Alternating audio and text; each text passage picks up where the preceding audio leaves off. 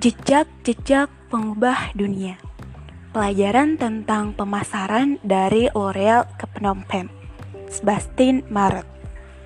Bersedia mendengarkan dengan penuh perhatian, melibatkan lebih dari hanya mendengarkan sudut pandang seseorang dan menganggap Anda sudah memahami apa yang ia maksudkan. Sebastian Maret menemukan bahwa mendengarkan dengan penuh perhatian berarti mendengarkan dan mendengarkan dan mendengarkan lagi dan lagi hingga Anda benar-benar memahami apa yang sebenarnya ia atau masyarakat ingin sampaikan. Di Phnom Penh, saya dan seorang teman mengunjungi sebuah restoran asli Khmer yang direkomendasikan hotel tempat saya menginap. Ibu kota negara Kamboja ini bisa digambarkan seperti sebuah kota berdebu tanpa gedung tinggi yang masih dalam proses 30 tahun pemulihan setelah peristiwa genosida terhadap jutaan orang yang dilakukan Pol Pot dan Khmer Merahnya yang kejam. Bahkan hingga kini, jika dibandingkan dengan kota-kota di Asia Tenggara seperti Bangkok yang penuh dengan gedung pencakar langit dan mall megahnya atau kota Ho Chi Minh di Vietnam, Phnom Penh serasa sangat miskin dan terjebak dalam waktu Mobil-mobil orang kaya tampak berdampingan dengan pengayuh riksau yang miskin dan para gelandangan yang berusaha menarik perhatian para turis di sepanjang jalan yang semeraut.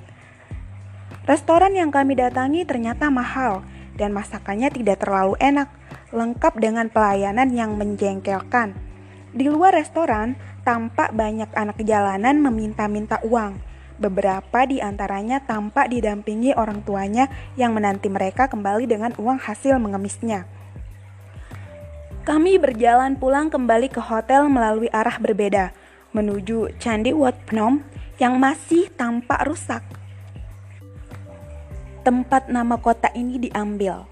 Dalam perjalanan, kami melewati restoran sederhana tapi dicat warna-warni bernama Friends kami memutuskan mampir demi secangkir kopi dan camilan untuk menghilangkan rasa asam yang masih tertinggal di lidah kami sejak dari restoran sebelumnya.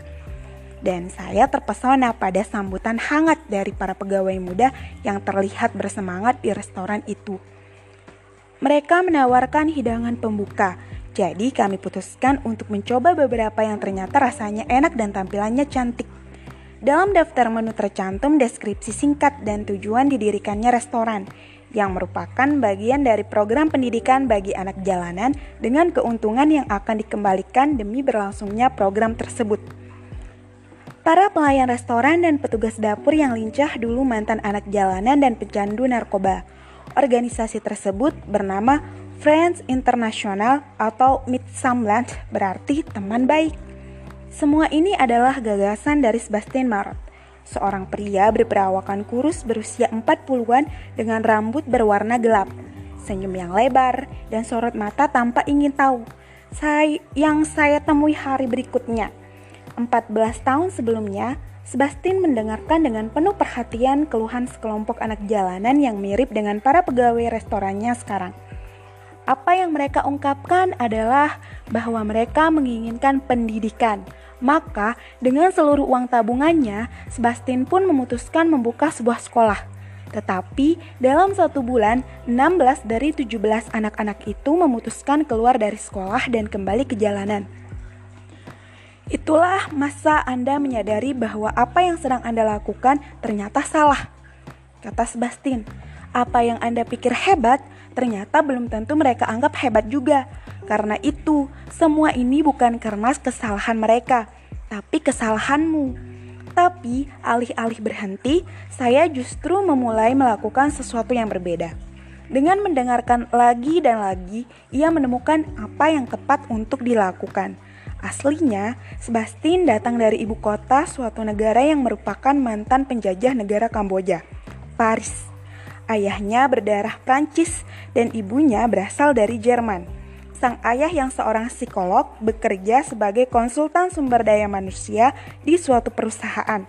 Sang bunda, seorang sarjana profesional, memilih merawat anak di rumah.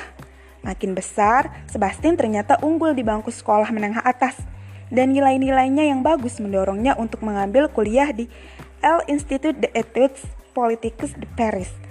Tempatnya belajar ilmu politik Seperti yang ia katakan, dengan bekal ilmu tersebut, seseorang bisa melakukan cukup banyak hal. Perkecualiannya, Sebastian keluar dari dinas militer yang wajib diikuti semua pemuda Prancis pada waktu itu. Tetapi, Sebastian nantinya juga anak jalanan di Kamboja beruntung karena latar belakang saya.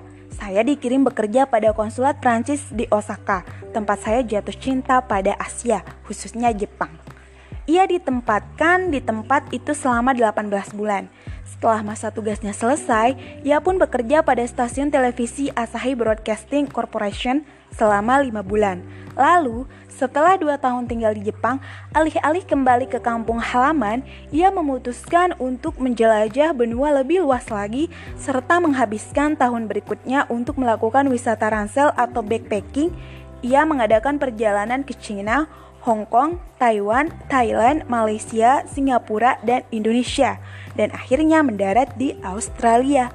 Siapa pun yang pernah melakukan perjalanan keliling Asia pasti telah mendengar tentang tangis kesedihan orang-orang jalanan, khususnya anak-anak, seperti yang berulang kali dialami Sebastian. Tapi pada titik perjalanannya ini, ia belum memiliki niat apa pun untuk memulai berbagai program bagi mereka. Seperti halnya turis-turis yang perhatian dan penuh kasih sayang lainnya. Ia selalu memberi anak-anak jalanan makanan dibandingkan uang. Dengan cara ini, Anda memberi anak itu sesuatu yang bisa digunakan secara langsung daripada membantu orang tua mereka yang mungkin justru mempertahankan mereka agar tetap di jalanan atau mengeluarkan mereka dari sekolah. Setelah seluruh perjalanannya berakhir, Sebastian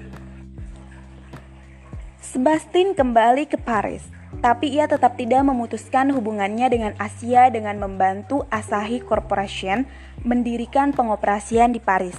Setelah semua selesai, tentu saja ia tetap butuh bekerja.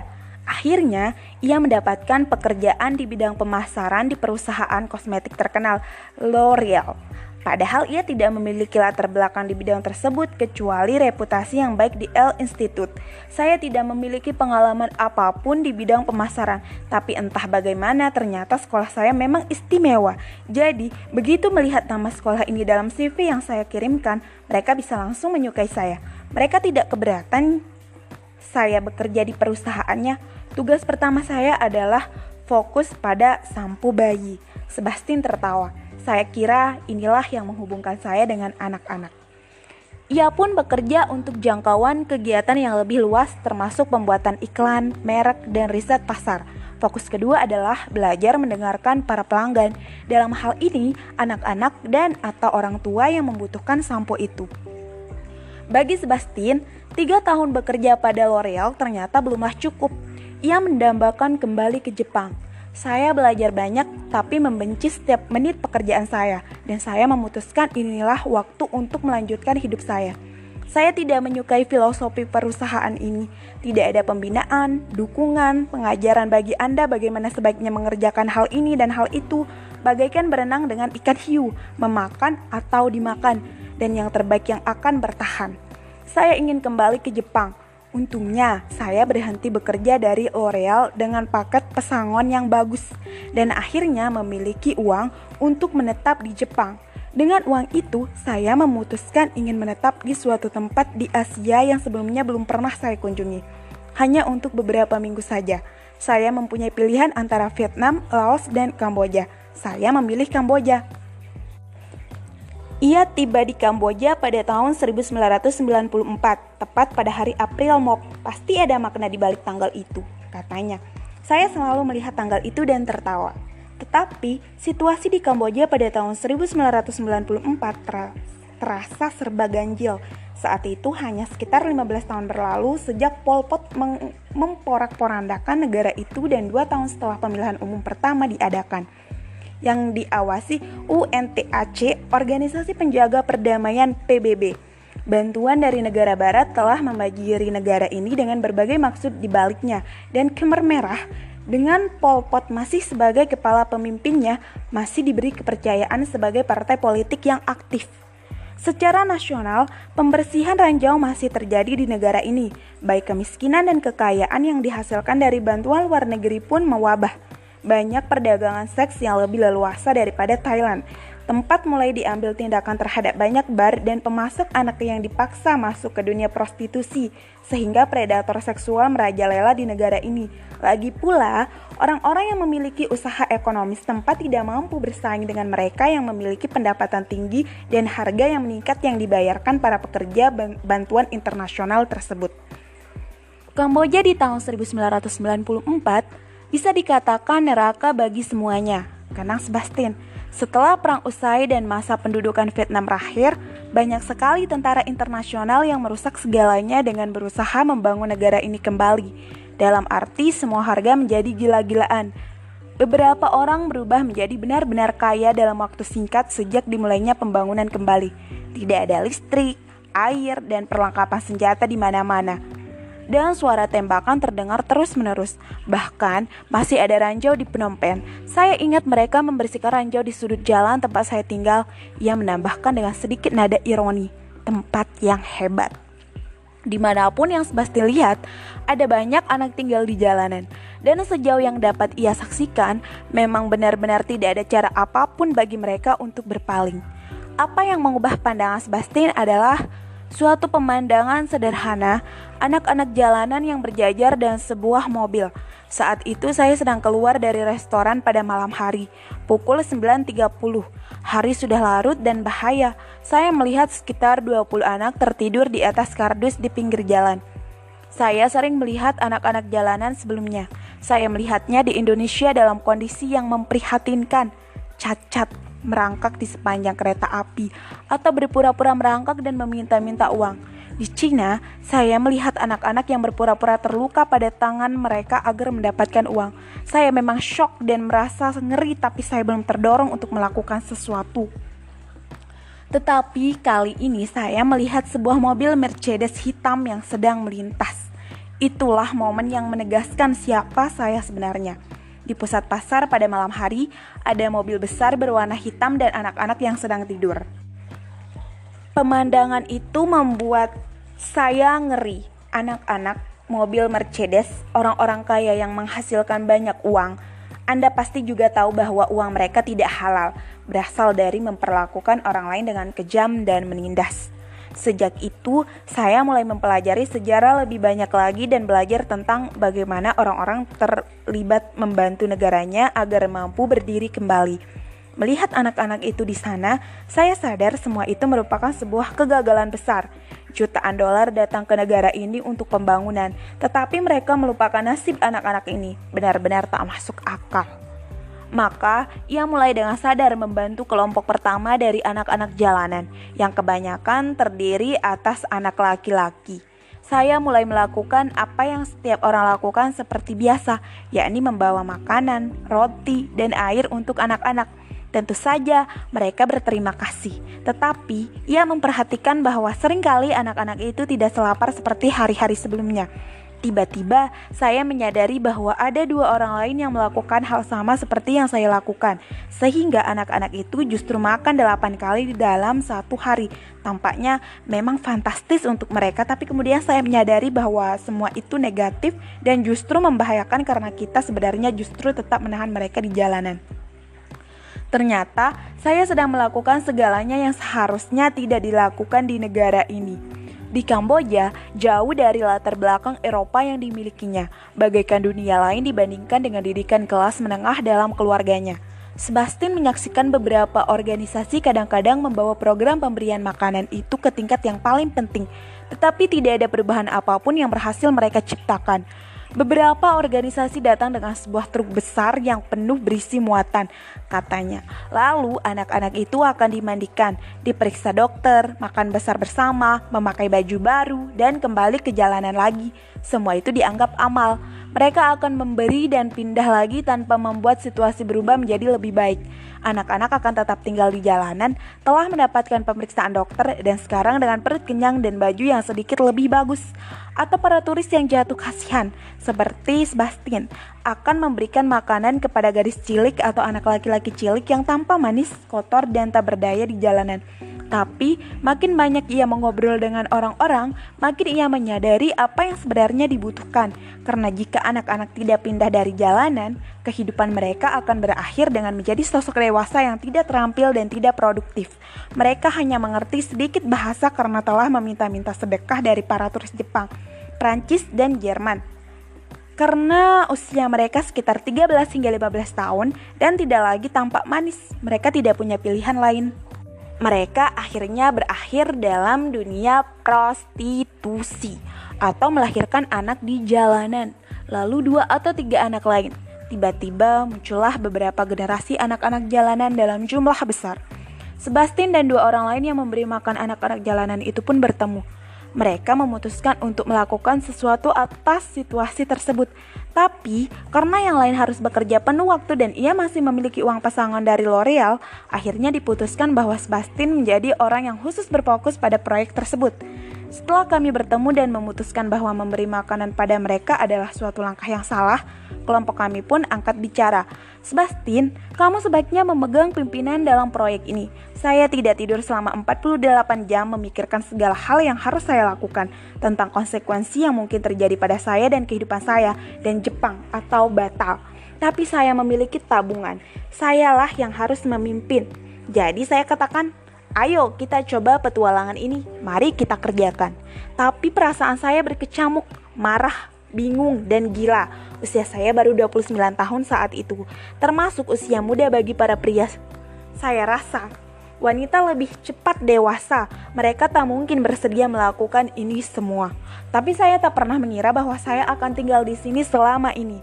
Saya pikir hanya akan tinggal selama tiga bulan saja, mengajari orang-orang bagaimana melakukannya dan berangkat ke Jepang. Rencana langkah pertama Sebastian adalah menemukan apa yang sebenarnya diinginkan anak-anak setempat itu. Ia tahu bahwa ia harus memulai semua dengan mendengarkan, seperti sebuah perusahaan yang sedang melakukan riset pasar, merasakan gairah para penonton melalui survei. Tapi tidak seperti di Paris, target audiens di sini mengenakan baju kumal dan tinggal di jalanan. Perbedaan lain adalah bahwa ia orang barat. Jadi, ia tidak akan memaksakan pandangan-pandangannya dari luar budaya, budaya mereka sehingga ia menggaji pria setempat untuk bekerja sama dengannya. Lalu mereka pun bertemu dengan kelompok yang terdiri atas 17 anak laki-laki. Kami menemui mereka saat berjalan bersama pria kemer itu.